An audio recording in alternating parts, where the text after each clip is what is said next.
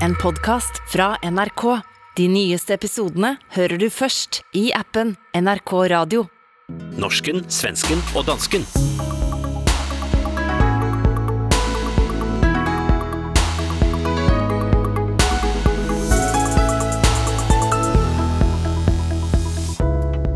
Danmark indfører Nordens strengeste røykelover. I Sverige går statsminister med noget som minder om krigsretorik på jakkeslaget, mens Olje-Norge nægter den russiske oligarken at fylde bensin på hjorten sin. Denne uken er Skandinavia snudd på hovedet.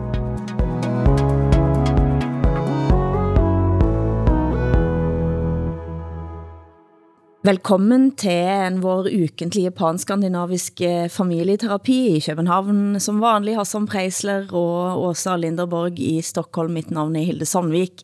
Og her jeg sitter nu, så lurer jeg på, hvordan forholder dere, dere til nyhetsbildet for tiden, Åsa?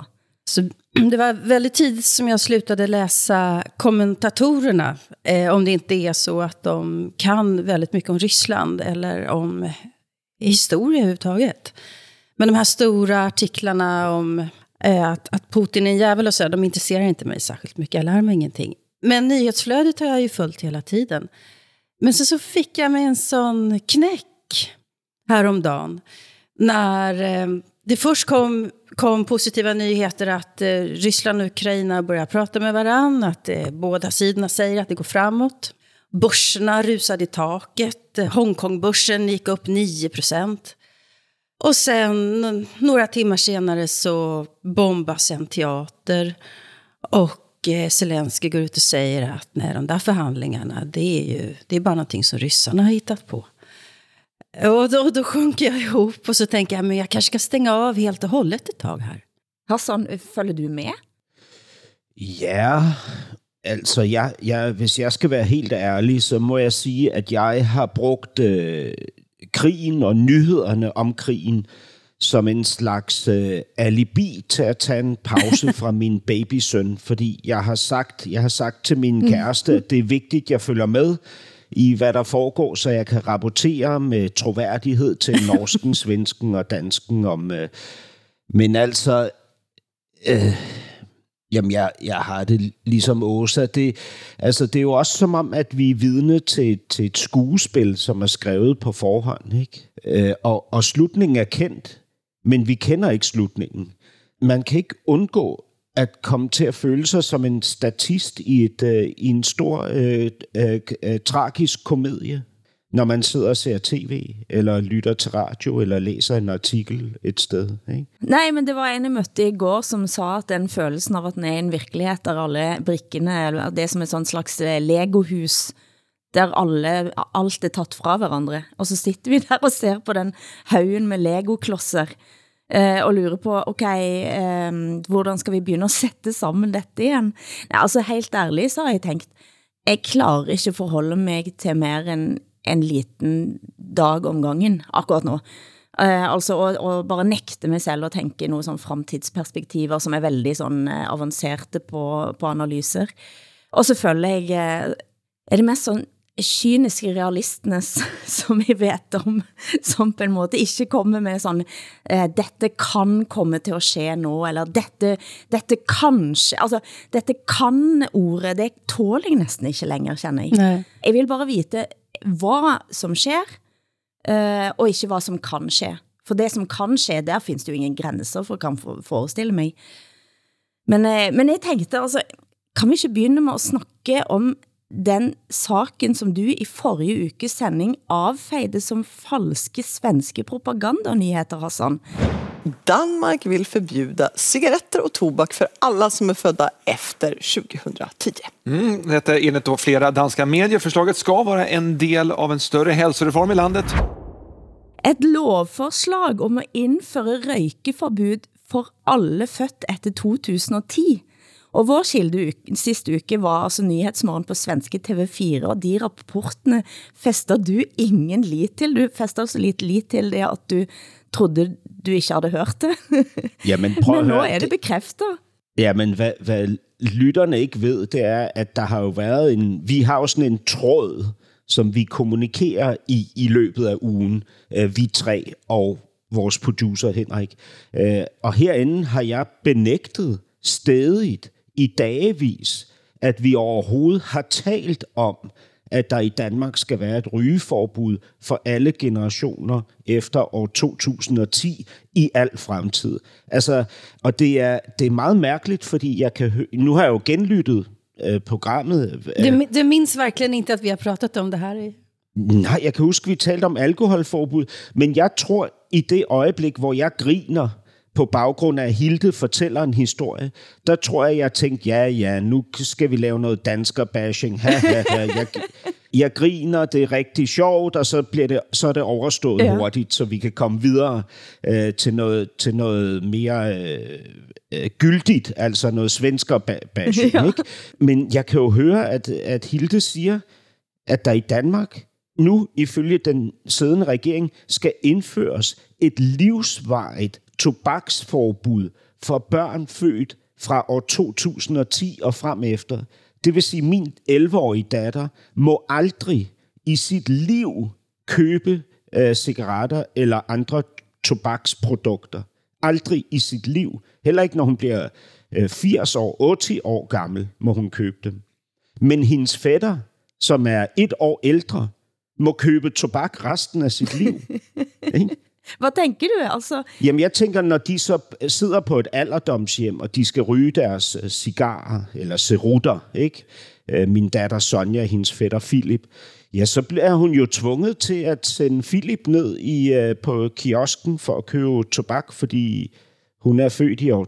Og så skal hun vise identitetskort i, altså som 80-årig, og, og, og vil blive afvist. Det är så svårt att förstå hur... Alltså, du minns inte, Hassan, att eh, Hilde och jag var väldigt oroade att Danmark plötsligt ska bli som Sverige med sina höga såna här moralpålag. Jamen, hver uge, hver eneste uge er I forundret over Danmark. I er jo i chok over Danmark hver uge, hele året rundt. Precis. Men, nej, men jag tror... Eh, alltså det är väldigt svårt att förstå hur eh, man ska upprätthålla en sån här lag. Det måste ju bli en väldigt stor svart marknad för cigarettförsäljning för människor som är födda efter 2010. Ja, eller, eller et sort marked for falske identitetskort. Ikke? Men är det en mänsklig rättighet att få röka? Om man vänder på frågan då, är det det? Jamen altså, det kan du spørge om, er det en menneskeret at forsøge at tage ja. dit eget liv, eller er det en kriminel handling? Altså, det er, det er, jo, øh, det er jo klart. Hvad, hvad, med, hvad med overvægt? Hvad hvis du spiser øh, for mange kalorier hver dag? Ikke? Øh, hvad, hvad hvis du ikke motionerer, hvis du ligger i din sofa? Øh, det er en menneskeret, ikke? Som jag, ja. ja. Nej, men jag tänker också att ett större, större folkhälsoproblem är ju alkohol. Som ju drabbar så många, hela familjer också. Så, så det känns man... Jamen altså, det, det, det bliver vel det næste. Det, det är något populistiskt i att jaga rökare. Det har man gjort i många år nu. Man får inte röka på krogen, man får inte röka på balkongen, man får inte röka på gatan. Ja, på den, på den anden side, så har vi jo 13.000 øh, tobaksrelaterede dødsfald i Danmark om året. Det er virkelig mange øh, mm. mennesker, som, som dør, ikke? Det, det är väldigt många. Men jämf, jämför det ändå med, med de som dör på grund av, av alkohol. Min pappa rökte två paket cigaretter om dagen. Det var ju inget bra. Det var inget bra för mig. Jag har fått astma Ja. och så vidare. Så det är inte så att jag vill romantisera rökning. Men det är, skulle jag säga, en kampanj mot rökare som är, som är rätt aggressiv nu på, på ett sätt som Danmark tar täten här då, kan man säga. Lad os holde oss i det yndige land en stund, for det er en sak vi så vidt har været innom for tid til som vi må holde oss lidt ved.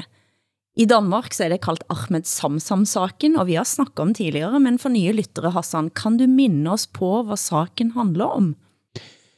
Ahmed øh, Samsan øh, er en, øh, en fyr, som blev øh, angiveligt blev rekrutteret af først politiets efterretningstjeneste og siden forsvarets efterretningstjeneste til at indsamle informationer om danske syrienskrigere her i Danmark og på rejser til øh, Syrien, hvor han infiltrerede øh, islamisk stat.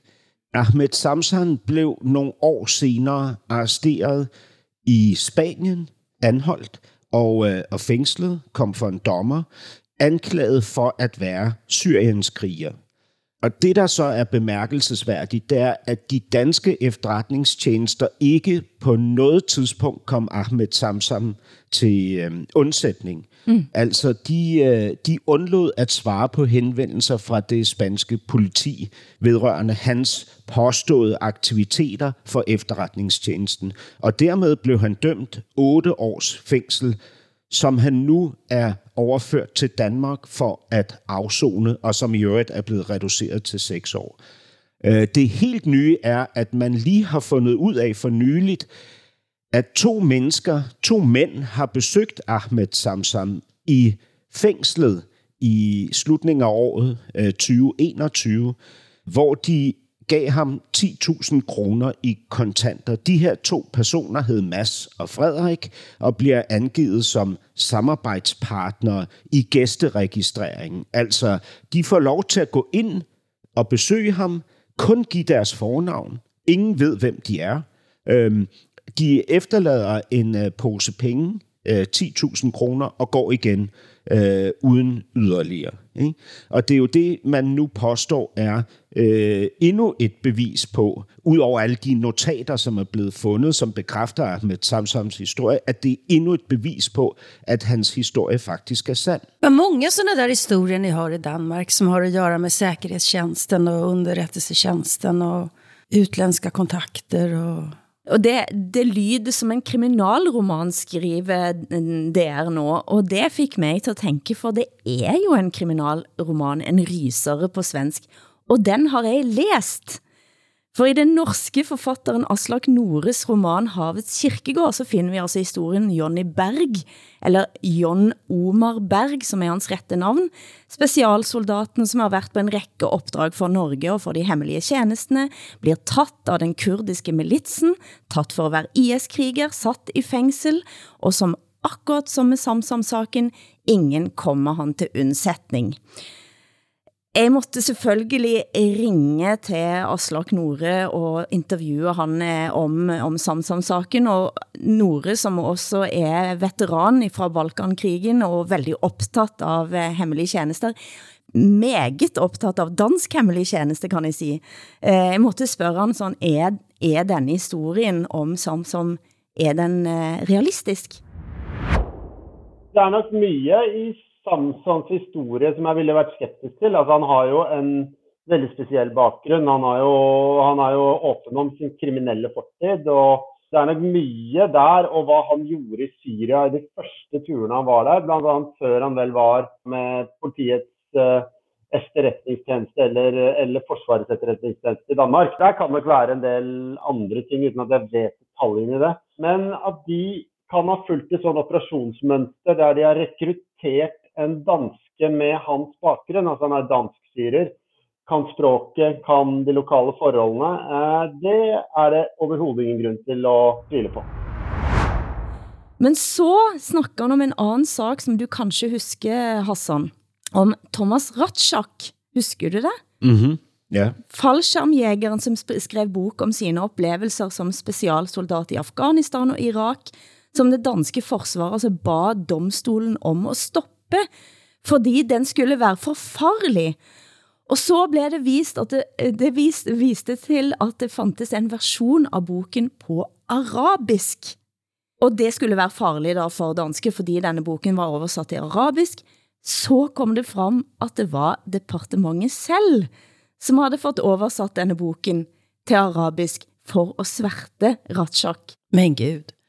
Det är inte klokt ju. Ja, det är rigtigt. Vad ska man med John Le Carré till när, när vi har Danmark? Ja, og vi har også haft den tidligere efterretningschef Jakob Scharf, som skrev en bog om sit øh, job, som øh, skaffede ham en del problemer øh, i øvrigt. Det er jo øh, desuden så er den her Ahmed Samsam-sag er jo øh, med stor sandsynlighed en del af den anklage, som øh, øh spionchefen Lars Finsen står og skal øh, forholde sig til. Ikke? Fordi han har vel øh, lægget informationer også om Ahmed Samsam til medierne, går man ud fra. Ikke? Øh, Udover børnene i Syrien, som øh, blev vurderet til at, at være en potentiel trussel mod Danmark, og derfor burde hentes hjem. Og så øh, selvfølgelig samarbejdet med den amerikanske efterretningstjeneste og øh, udlevering af, af oplysninger om danske statsborgere og andre øh, statsborgere end danske, øh, tyske, svenske osv. Ja, det er jo, øh, altså, hvad, hvad fanden, det er jo vildt. Virkeligheden er en guldgruve, som, øh, som Aslak Nore sa, da jeg snakkede med han, for folk som er optaget av øh, problemer som, og problemstillinger som dette. Havets Kirkegård kom jo faktisk ut både på svensk og dansk øh, over sommeren, så man kan jo se, lete efter om der findes andre likhetstræk her har vi også rederfamilier eh, i Bergen og Oslo blandt andet, som har drevet med stay-behind-grupper eh, nede i bunkerser. Altså, det, det, det er mange ting man kan begynde at forestille sig. Norsken, svensken og dansken med Hilde Sandvik, Åsa Linderborg og Hassan Preisler.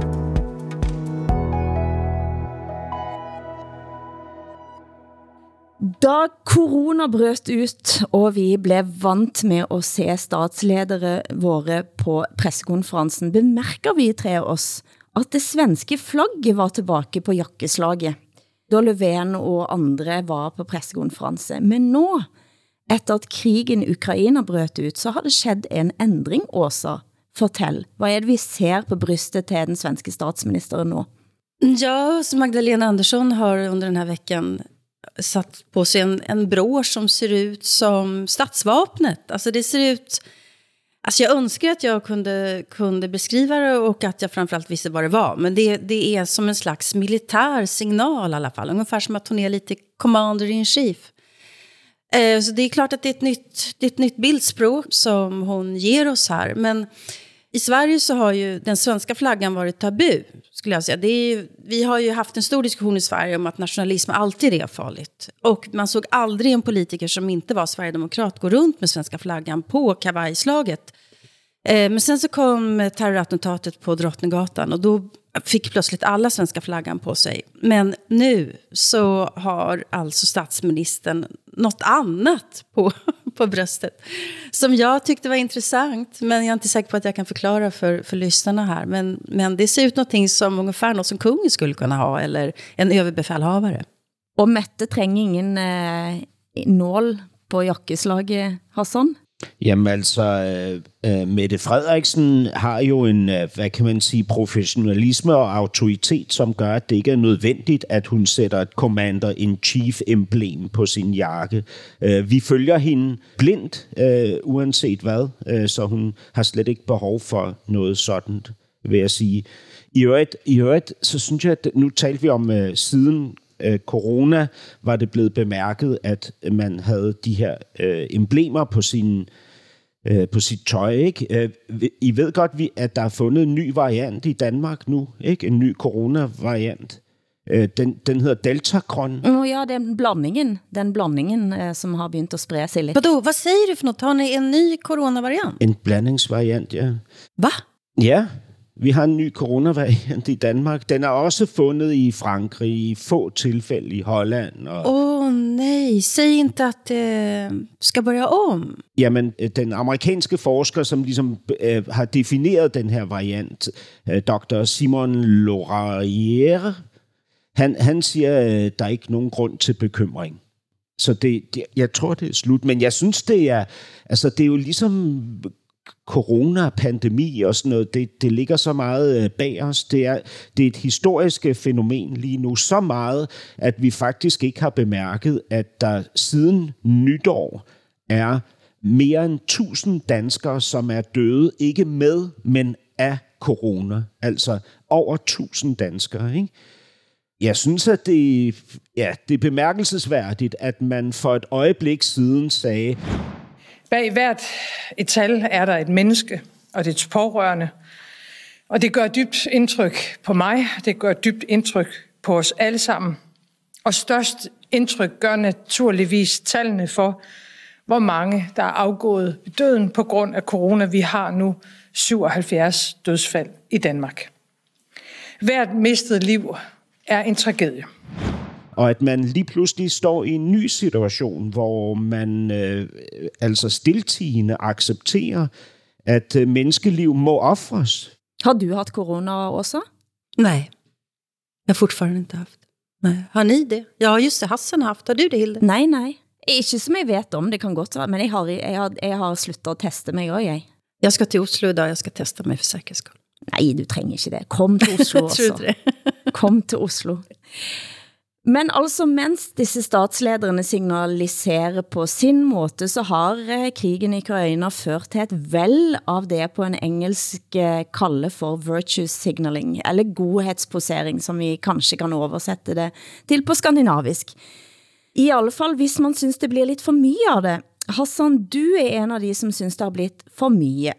Hvad er det, du reagerer på? Ja, men jeg, jeg ved ikke, om det er for meget eller for lidt. Jeg deltager jo selv i det, altså følelsesmæssigt, både i min hverdag, men også ved at gå med til demonstrationen foran den russiske ambassade og råbe shame on you, Putin, og så videre. Altså, der er noget absurd i behovet for ligesom at, øh, at give sig hen til den følelseseksplosion, det kan give en at være det gode menneske. Ikke? Og det illustrerer man jo for tiden ved at øh, deltage i de her massekoncerter, der bliver afholdt til støtte for ukrainer, ved lige pludselig, øh, øh, mens man aldrig nogensinde før har haft nogen interesse for flygtning, begynder at tage afsted ned til den polsk-ukrainske grænse for at, øh, at stå og se, om der er nogen, der har brug for at blive kørt til Danmark og så videre. Ikke? Altså, der er sådan en, der er sådan en, en aktivisme, som jeg godt forstår, fordi jeg selv deltager i den, men som også øh, gør mig en, en lille smule ja, hvad, ja, desværre pessimistisk på menneskehedens vegne, ikke? fordi jeg synes faktisk, det er lidt ulækkert. Også. Nej, jag, tänker, jag, har, jag har svårt att bli upprörd över att människor demonstrerar mot det här kriget. Det är ju, jag önskar ju att man demonstrerade mot fler krig och, och sådär. Eh, Så jag, jag blir glad när jag, när jag ser det och jag blir glad när man tar med sina barn. Att man inte försöker dölja det här för barnen utan att man faktiskt tar med och, och förklarar istället. Men sen så kan jag bli rasande när jag ser nu hur Stockholmspolitiker på högerkanten, borgerliga, som aldrig tidigare har brytt sig om hur asylmottagandet har fungerat, nu plötsligt är väldigt upprörda över att asylmottagandet inte fungerar. Eh, Jag kan bli lika upprörd när Sverigedemokrater plötsligt talar sig varma för en asylmottagning. eh, Som tidigare aldrig har brytt sig. För att det här handlar inte om muslimer. Och då, och då klappar hjärtat plötsligt på ett sätt som... Att vi gör skillnad på folk och folk, människor och människor. Det finns fina och fula offer, fina och fula förövare. Du snakker med Jimmy Åkesson eh, denne uken, du faktisk, om, om det. Ja, jag och eh, Bengt Olsson som är författare, vi har en podd tillsammans på Aftonbladet som heter Trycksmärta och så bjuder vi in partiledarna så får de prata om sin 18-årsdag och så läser vi Aftonbladet Dagens Nyheter från den dagen. Eh, och då hade vi Jimmie Åkesson som gäst och eh, Sverigedemokraternes leder kan en eh, bare under, understreke. Sverigedemokraternas partiledare. Ja, och hur det nu var så hamnade diskussionen då i asylmottagandet. Och Eh, han säger rent ut då, Jimmie Åkesson, att det är mycket lättare att ta emot människor från Ukraina därför att Ja, för att det är en annan kultur helt enkelt som passar bättre. Den är mer kompatibel med den svenska. Det är vad han säger rent ut. Ja, men det, det är klart att om det här blir väldigt långvarigt och, och de här människorna i hög grad kommer att bli kvar i Sverige. Så det är klart att ju, närmare de kommer ifrån, både geografiskt och kulturellt, desto lättare blir det ju att integrera dem i det svenska samhället. Så det är, det är lättare med eh, de här än till exempel muslimer från Afghanistan då, eller från Bosnien? Det är min övertygelse att det är så. Eh, men, men som sagt, viljan att hjälpa har ju inte bara med det att göra, utan det handlar ju också om vad, hur, på vilket sätt är det effektivt att hjälpa. Eh, och just nu tillhör vi närområdet, det vill säga att folk flyr över gränsen till Polen och sen kommer man hit. Eh, det är som man passerar inte väldigt många säkra länder eh, på vägen, utan Sverige är ju nästan grannland.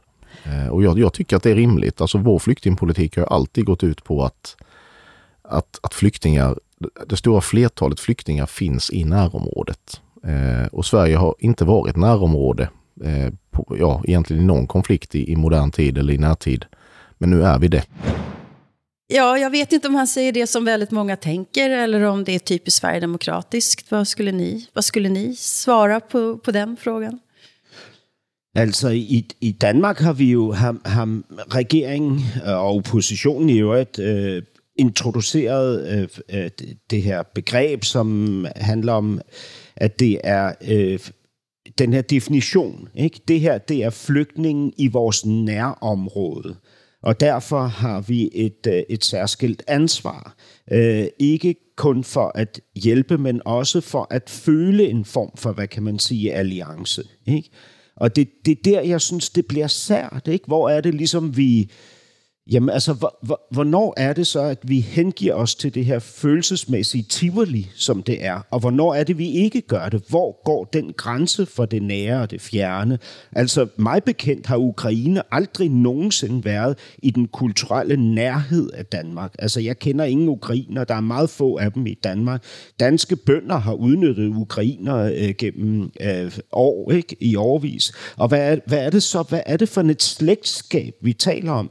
Ja, det, så skulle man tale om hudfarve og religion. De er kristne, ligesom vi er, og de er hvide, som I er. Ikke? Jeg kan ikke inddrage mig selv i den ligning. Men, men hvad er det ellers? Ikke?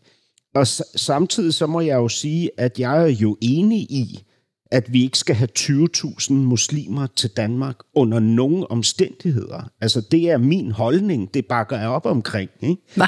Og, og det må du uddybe. Det må du uddybe, Hassan. Jamen altså, prøv at høre. Inger Støjberg er ligesom den eneste, I ved, den tidligere integrationsminister i Danmark, nu øh, udstødt af Folketinget på grund af sin dom. Den, øh, hun, hun er ligesom den eneste, som, som siger det, som det er. Ikke?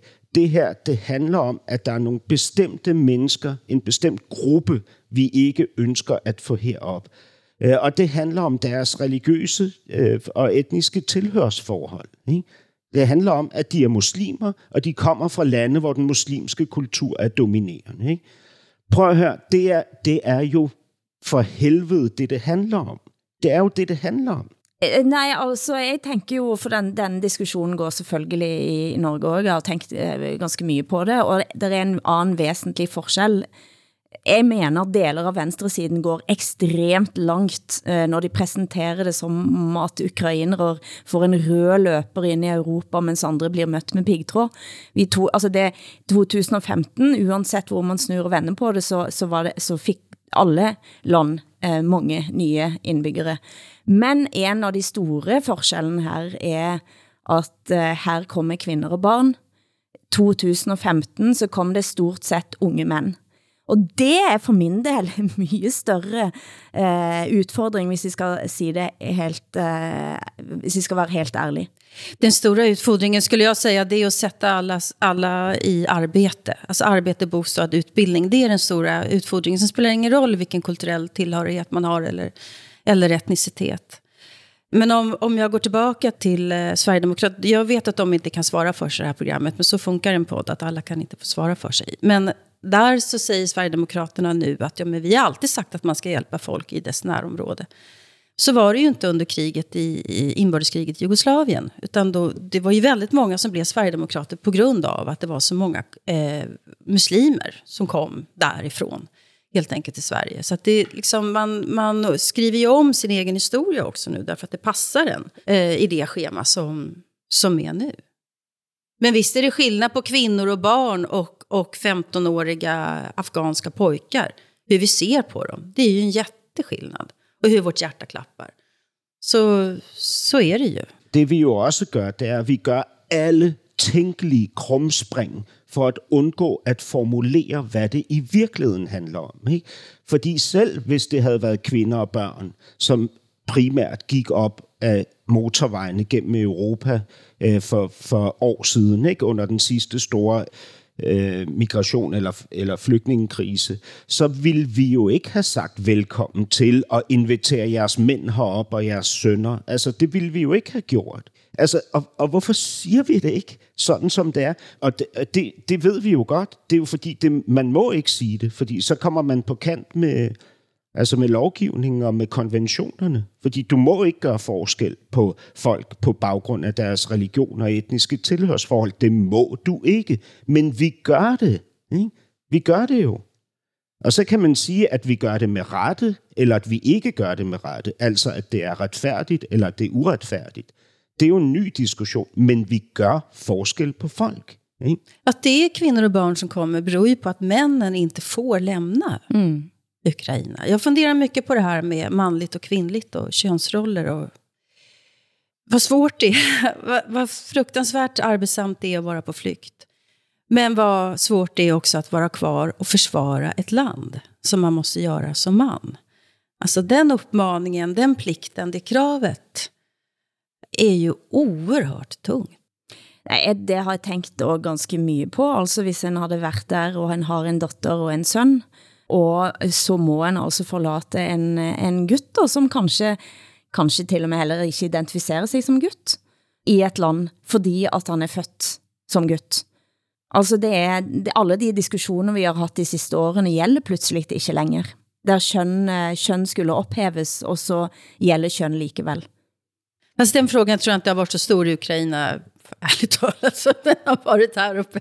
Nej, det, det, det er en anden ting. Ja. Men må jeg spørge jer om en ting? Fordi jeg har tænkt, at jeg aldrig ville sige noget sted, at jeg hellere vil have 20.000 kristne ukrainer, end jeg vil have 20.000 muslimske syre til Danmark. Det vil gøre mig mindre bekymret med ukrainerne end med syrerne. Kan I sige i jer selv, at det ikke vil gøre nogen forskel for jer, hvor de mennesker, der flygter øh, til henholdsvis Sverige og Norge, kommer fra? Men alltså i, i Sverige så har vi eh, närmare två miljoner medborgare, eller in, innebo, vad heter det? invånare som, som är födda någon annanstans. Varav, varav väldigt, väldigt, väldigt, väldigt många är just, eh, kommer just från muslimska länder eller är muslimer. Så det, den, den frågan om 20 000 plus min, det, den, den frågan är helt ointressant för en svensk. Så for dig gør det ikke nogen forskel, hvor folk kommer fra, og hvilken Nej, alltså det, nej jag, jag, kulturel, religiøs oprindelse de har? det, det jag är rädd för det är, det är hur, vi ska, eh, hur, hur vi ska få alla människor i utbildning, arbete, i en bostad. Alltså det som är våran infrastruktur helt enkelt. Hur, hur klarar vi det? Det, det är utfordringen. Men jag menar, om det här kriget drar ut så att det blir som ett nytt Tjetjenien håller på 20 år. Eller Afghanistan 40 år, 50 år. Då, då vet jag inte hur man ska göra. Altså den, eh, poenget er at vi har eh, tre velfærdsstater som fungerer mer og mindre, eh, fordi vi har nogle fælles eh, tanker om eh, hvad som skal til for at en velfærdsstat skal fungere. Og det betyder faktisk at alle må delta. Alle må jobbe. Alle må bidra. Eh, og i den grad, eh, i den grad der kommer veldig mange som ikke tænker at det er et poeng, så er jeg bekymret. Jeg, jeg kender, det, det har ikke så mye med bakgrund, jeg kender så mange som kommer fra absolut hele verden, som er enormt ressourcestærke inde i det norske samfundet. Så det, det vil ikke gøre nogen forskel for dig? I den grad det udfordrer det liberale demokratiet, jo. Og det, den udfordringen kan komme fra mange hold. Og det har vi jo sett tydeligt i Europa også. I den grad det, det liberale demokrati udfordres av at det kommer mange som mener det faktisk ikke er et poeng, så er jeg bekymret. Og i den grad der kommer mange, altså om det skulle være fra muslimske land, eh, som mener at religion står over stat, for eksempel, så er jeg bekymret. Eh, men jeg har, ikke, altså jeg har faktisk også et grundlæggende tro på at folk også ændres over tid. Men det vet vi ju, undersökningar i Sverige visar ju att när man kommer hit så, så man, man anammar normativa tänkandet över en generation, så gör man det. Jo, Og så men, vet en også at ukultur opstår, som er ekstremt kompliceret og vanskelig at gribe fat i. Åh oh, gud, ja. nemlig lige præcis. Ikke? Vi har lige så mange undersøgelser, der viser, at, øh, at, øh, ja, at netop at der bliver parallelt samfund og så videre. Ikke? Absolut. Det, det kan, titta på Sverige, det, visst det, finns det parallellsamhällen. Men eh, de, man kan inte bara förklara dem Ja, kulturellt, utan det finns ju också en socioekonomisk verklighet. Jeg, jeg har faktisk lurt på om denne diskussionen nå, eller de samtalen som jeg går... Hvis jeg, hvis jeg skal prøve at være lidt optimistisk, på vegne av diskussionen rundt flygtninger, så lurer jeg på om vi kan se for oss at vi diskuterer også flygtninger på en anden måte. Og det kan jeg også synes at vi kan trænge. Jeg har tænkt etter du, eh, Hassan, brakte på banen eh, godhetstyranni, eller hvad jeg skal sige, poseringen. Altså, jeg prøvede at gå lidt sådan ind i, ind i sjælen for at finde ut, hvad jeg tænker selv. Denne krigen her bringer frem enorme følelser, som andre kriger ikke har gjort på samme vis, fordi jeg også er redd på en anden måde. Det bringer frem sorg og avmakt og frygt og fortvilelse og håbløshed og en enormt stort alvor. Lidt den følelsen av at våkne op og tænke, alt jeg sætter pris på i verden er på spil. Eh, og selvfølgelig er det et personligt og privat og egoistisk udgangspunkt. Men jeg kender også, det må jeg bare være indrømme, jeg kender et grusomt sinne, altså rett og slett hat jeg tænker på alle de her homofobe FSB-folkene, som skriker til russiske protestanter, at de hater menneskeretsorganisationer for eksempel. Jeg har lyst til at gøre smertefulde ting med dem, og den, og den type hat, svart hat, gør at jeg kender at også hjerter kan krympe, og at jeg, at jeg står i reell fare for at få hjerter som en stein, som ridder Kato i Lindgrens Mio min Mio. Kalt og uforsonlig. Og da har jeg tænkt at det at prøve at se efter de gode tingene, ting en kan gøre, om det er altså arrangere koncert eller skifte ut profilbilde med den modige russiske tv-redaktøren Marina Novika, som holdt op en plakat på Stats-TV. Den type ting er med på at tvinge hjertet mitt til at holde sig varmt og åbent i alle fall den ene delen av hjertet, det andre lete efter kjølige analyser for hvordan vi kan få kvitt folk. Men altså, jeg må på en måte tro på, at der findes noget godt, eller så blir jeg grusom.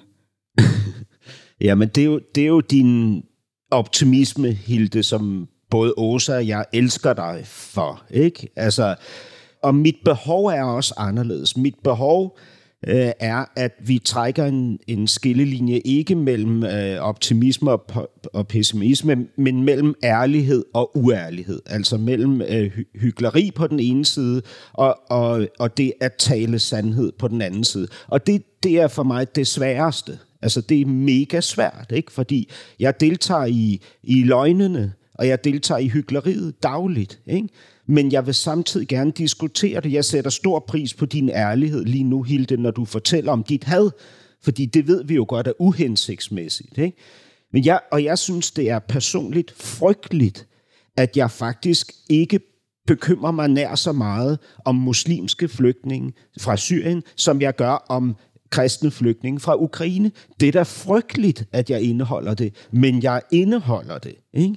Jeg ser det ikke kun som noget, jeg indeholder, men som noget, rigtig mange mennesker indeholder. Fordi lige nu, der flager de faktisk for Ukraine overalt, hvor man kan få plads til et blåt og gult flag. Ikke? På bygninger, øh, officielle bygninger, ikke? teatre, øh, øh, biografer, øh, altså hvad ved jeg. Ikke? Og hvis man bor over for den russiske ambassade, så gør man en stolthed og dyd over at, øh, at proklamere sit, øh, sin alliance med Ukraine ved at hænge et blåt og, og gult øh, stykke stof ud af sit vindue. Ikke?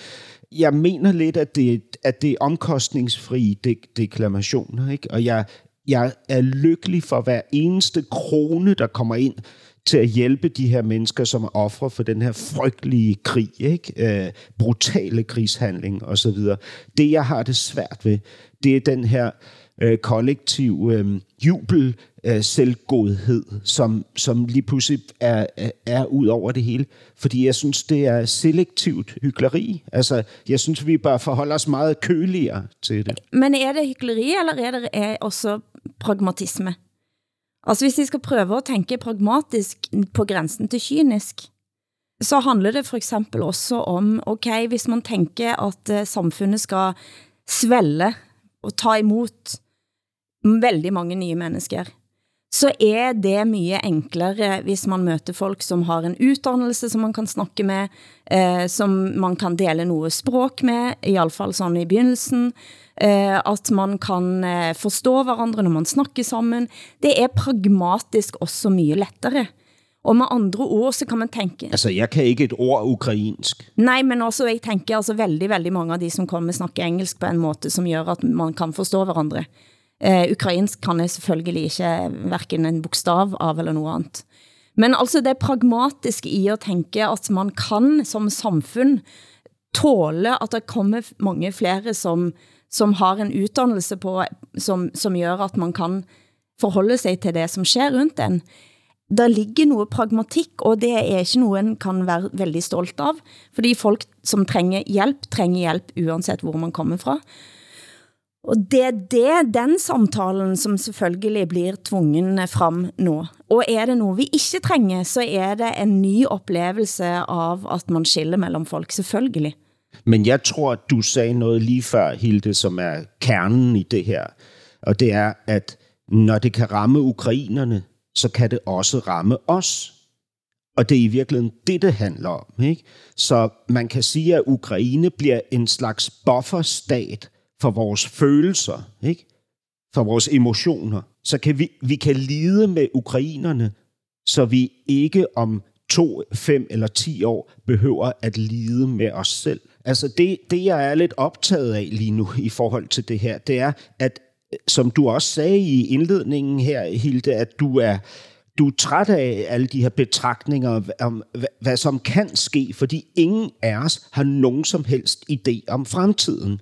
Og hvis vi går 50 år tilbage i tiden, da jeg blev født i 1969, og min danske mormor bestemte, at jeg skulle have navnet Hassan, så var der ikke en sjæl, der kunne forudse, at man 50 år senere i Danmark og i mange andre europæiske lande vil have en stor frygt øh, og måske endda modvilje i forhold til øh, muslimer. Og hvem ved, hvor dengang der var det eneste, vi var skræmt fra vid og sans over, var Østblokken. Ikke med Sovjet i spidsen naturligvis. Og hvem ved, hvad vi vil frygte om 50 år fra nu. Ikke? Måske er det netop ortodoxe øh, østeuropæer. Ikke? Jag tänker på det här vi pratar øh, om, hvad vad man vågar erkänna och sådär. I min bekantskapskrets så finns det många som har haft, eh, alltså de som bor lite större än jag, som har haft en afghan som de har tagit hand om. Och eh, det har varit väldigt, eh, rätt mycket arbete med det där och mycket käns känslomässigt eh, dränerande. Och eh, ibland hopplöshet och ibland också fantastiska historier om hur, hur bra det har gått. Men Eh, alla jag har pratat med säger samma sak. Nej, jag, jag, jag, orkar inte ta emot en flykting till. Det spelar ingen roll att kvinna och barn, det spelar ingen roll. För att jag de tycker att de har gjort sin värnplikt. Eh, det är så skönt att bara gå runt ensam hemma och det, det är bara jag eller det är bara vi och, och sådär. Och jag känner en enorm respekt för det. Att de känner så, att de säger det. Och så känner jag mig som en... Eh, dålig människa då eftersom jag ändå bor på 90 kvadratmeter. Det är klart att jag skulle ha, jag har ju ett rum här. Jag skulle kunna ta in någon. Men då tänker jag ju direkt så här, hur länge då? En månad? Ett år? Och så gör jag en överslagsräkning med mig själv och så känner jag att min, min solidaritet, den sträcker sig nog till att sätta in pengar på ett konto. Och inte ha någon hud mot hud. Det, har, det er jo den type refleksioner vi går i nu, og, og spørgsmålet er om vi får noget valg. Altså det, det vet jeg ikke. Altså nu er det to millioner som er på flygt til nu. Polen kan ikke ta under alt. På en eller anden måde så vil det komme til at påvirke oss. Hver kommune tar nå imot uh, veldig mange hver dag, som kommer med en million spørgsmål. Det finns ingen, eh, uh, ingenting til det endnu, alle disse asylmottakene blev lagt ned efter 2015. Man skal genoprette en hel haug med pladser. Altså, jeg håber jo at denne dugnadsånden, som det heter på norsk, at den kan ikke gå over efter 14 dager, altså. Altså, det er, eh, vi kommer til at leve med en situation, og det er det som gør, at jeg tænker, jeg klarer bare en dag om gangen akkurat nu. Så får vi ta de udfordringene, når de kommer. Men jeg har tænkt ganske mye på oss og hvordan vi forholder oss til russere og, og den, eh, utskamningen av russiske barn, som vi ser eh, i eh, både Norge, Sverige og Danmark. Det kommer daglige historier om at russiske barn oplever hat på gaten, og det, det er den modsatte siden av dette, og da blir jeg bekymret. Sverige är ju känt i alla såna här undersökningar att vara det mest rysshatande landet tillsammans med Polen tror jag i hela världen. Eh, och det, det märks ju här i Sverige. Det är ryska restauranger som inte har några besökare längre här i, i Stockholm. Och det är alltså restauranger som drivs av, av människor som har, som har lämnat Ryssland på grund av Putin. Och så. Det spelar ingen roll, ryss som ryss. Jag tror vi pratade förra veckan om tidigare eh, försvarsminister Mikael Odenberg, moderat, som har skrivit på Facebook att han tycker att man ska kasta ut alla ryssar. Studenter, turister, oligarker, allihop. Där inkluderas ju barn också då. Han har fått tusentals likes för detta statement. Altså, og når børnene, når børnene er, er aggressive over for hinanden, eller mobber øh, øh, børn med russisk baggrund i Danmark, så er det jo, fordi de spejler noget andet. Ikke? Øh, og det, de jo ser, det er øh, en mobning, som også foregår på voksenniveau. Altså, vi kan jo øh, blandt mig og mine venner godt finde på at fortælle ikke kun jokes om Putin og hans potens, eller manglende potens for eksempel, men også jokes om russere som øh, øh folk. Ikke? Og ikke kun jokes. Jeg læser jo også dagligt analyser af nogle af vores mest øh, intelligente øh, analytikere og debattører, hvor de dissekerer den russiske øh, national sjæl. Ikke? Altså, de fortæller os ligesom, for eksempel, at russerne er dybt, dybt skadet folk. Ikke den russi- det russiske regime, men det russiske folk er dybt ødelagt folk. Ikke? Det er jo, altså sådan noget opfanger børn og unge jo også. Ikke? Øhm, det blir så, det är som skriktävlingar nästan, vem som kan hata ryssar mest. Man som fotar och lägger ut på Instagram när man spottar på en flagga, river sönder en flagga, lägger en flagga i en vattenpöl, stampar på den. Det blir ganska barnsligt faktiskt. Jeg lurer på om, eh, om eh, det at Norge er naboland til Rusland. Rusland er Norges største naboland. Ja, just Jeg vet ikke dette, men jeg opplever det som om at det også påvirker vårt snakk om russere nå. Jeg vet at det sker eh, utskamning av russere også i Norge nå, men, men det ligger et annet type alvor. Eh, og det til trods for at nå superjotten Ragnar, den en av disse oligarkjottene, er strandet i Nord-Norge, fordi den lokale bensinstationen nægte at lade den fylle bensin. Og den type aktioner må jeg jo indrømme at jeg har sympati med, men jeg har tænkt lidt på at Kirkenes særlig, eh, så er det mye tættere bånd end særlig kanskje da dansker og svensker og søringer, altså det betyder folk sør i Norge, kender til, altså som lever helt tæt på hverandre, de rejser frem og tilbage, og de gifter sig frem og tilbage. Massehandel, det er faktisk sådan, at eh, alle som bor inden for en omkrets på 30 kilometer fra grænsen, har, kan søge om et såkaldt grænseboerbevis, som gør, at man kan rejse ind og ut av Rusland, altså uden visum. Og der oppe nå, så er det en stor angst, selvfølgelig. Altså selvfølgelig så påvirker all sanktion, påvirke Kirkenes. Der er en handel på 600 millioner, har jeg læst. Men det er også sådan, at hvis du står på kirketrapper i Kirkenes, så ser du ret på vinsjene i værkstedbedriften Kimek. Og i sidesynet så kan du skimte et russisk flagg. Og det er jo en praktisk anlagt by i et område, som er så dækker en enorm afstand. Der det altså bor altså bare 10.000 mennesker, og de 10.000 menneskene de blir sett på næsten som et kulturelt værn nå mot Rusland. Det var et rørende eksempel på det nylig, og jeg, og jeg må lure på, visste dere dette? Ja, men jag visste det på så vis att jag har läst Chatten Flögsta, eh, som ju har skrivit mycket om det här. En av de författare jag älskar allra mest. Men, men alltså, de här människorna, de är ju helt beroende av varandra. Mm. Alltså, då spelar ju landsgränsen ingen roll egentligen. Alltså, för det här är ju deras geografiska yta. Det är där de lever och bor. Arbetar, verkar, handlar, gifter sig, som du säger. Träffar sin kärlek. Det, är så absurt med landsgränser egentligen. När man tänker efter så skulle det ju inte finnas några överhuvudtaget. Og det, altså, der er en kulturfestival der oppe, eh, som heter Barents Spetak Spektakel, som har været siden 2004, og den skulle i år starte eh, i februar. Og den starter altså dagen efter invasion. Titlen på denne festivalen var i år Where do we go from here? Og tanken var selvfølgelig hvor skal vi gå efter en pandemi, og så starter han også altså efter dagen efter invasion med russiske og norske kunstnere. Og den sidste dagen så skulle det være et avslutnings, en avslutningsceremoni, der to lydkunstnere, en norsk og en russisk, skulle stå på hver sin side og sende lydsignaler over grænsen. Og denne eh, lyd, dette lydsignal fra Norge skulle sendes fra et såkaldt tåkehorn, et fra Fiskerimuseet i Sund i Lofoten, som blev brugt for at sjøfolk skal finde trygg havn. Det skulle komme lyd som svar på den andre siden.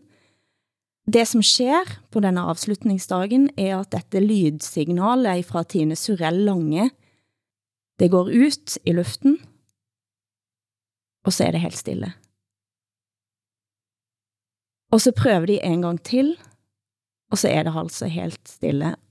Og da fortæller han som er, er, er projektleder, eller han som var chef for dette, Godmon, Evegny Godmon, at han kendte på den enorme sorgen, tårerne som kom, presser sig frem.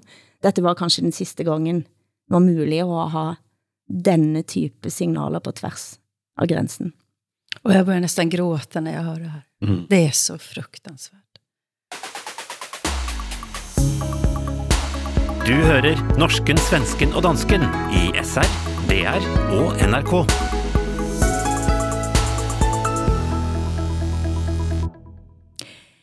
En lytter fanger op en veldig avslørende Freudian slip i en nyhetssending på NRK denne uken. Klippet er fra en sak om den nordiske kampflyflåten, som begynder at bli ganske massiv etter hvert. Der han kommer i skade for at si Sverige, Danmark eh, og, eh, og Finland, Norge skal øke forsvarsbudsjettene sine, slik at vi vil militært sett så enda sterkere sammen nå enn eh, vi har gjort frem til nå. Blant annet vil de fire norske landene ha 250 jagerfly tilgjengelig etter hvert. De fire norske landene Eh, altså Sverige, Danmark, Finland og Norge.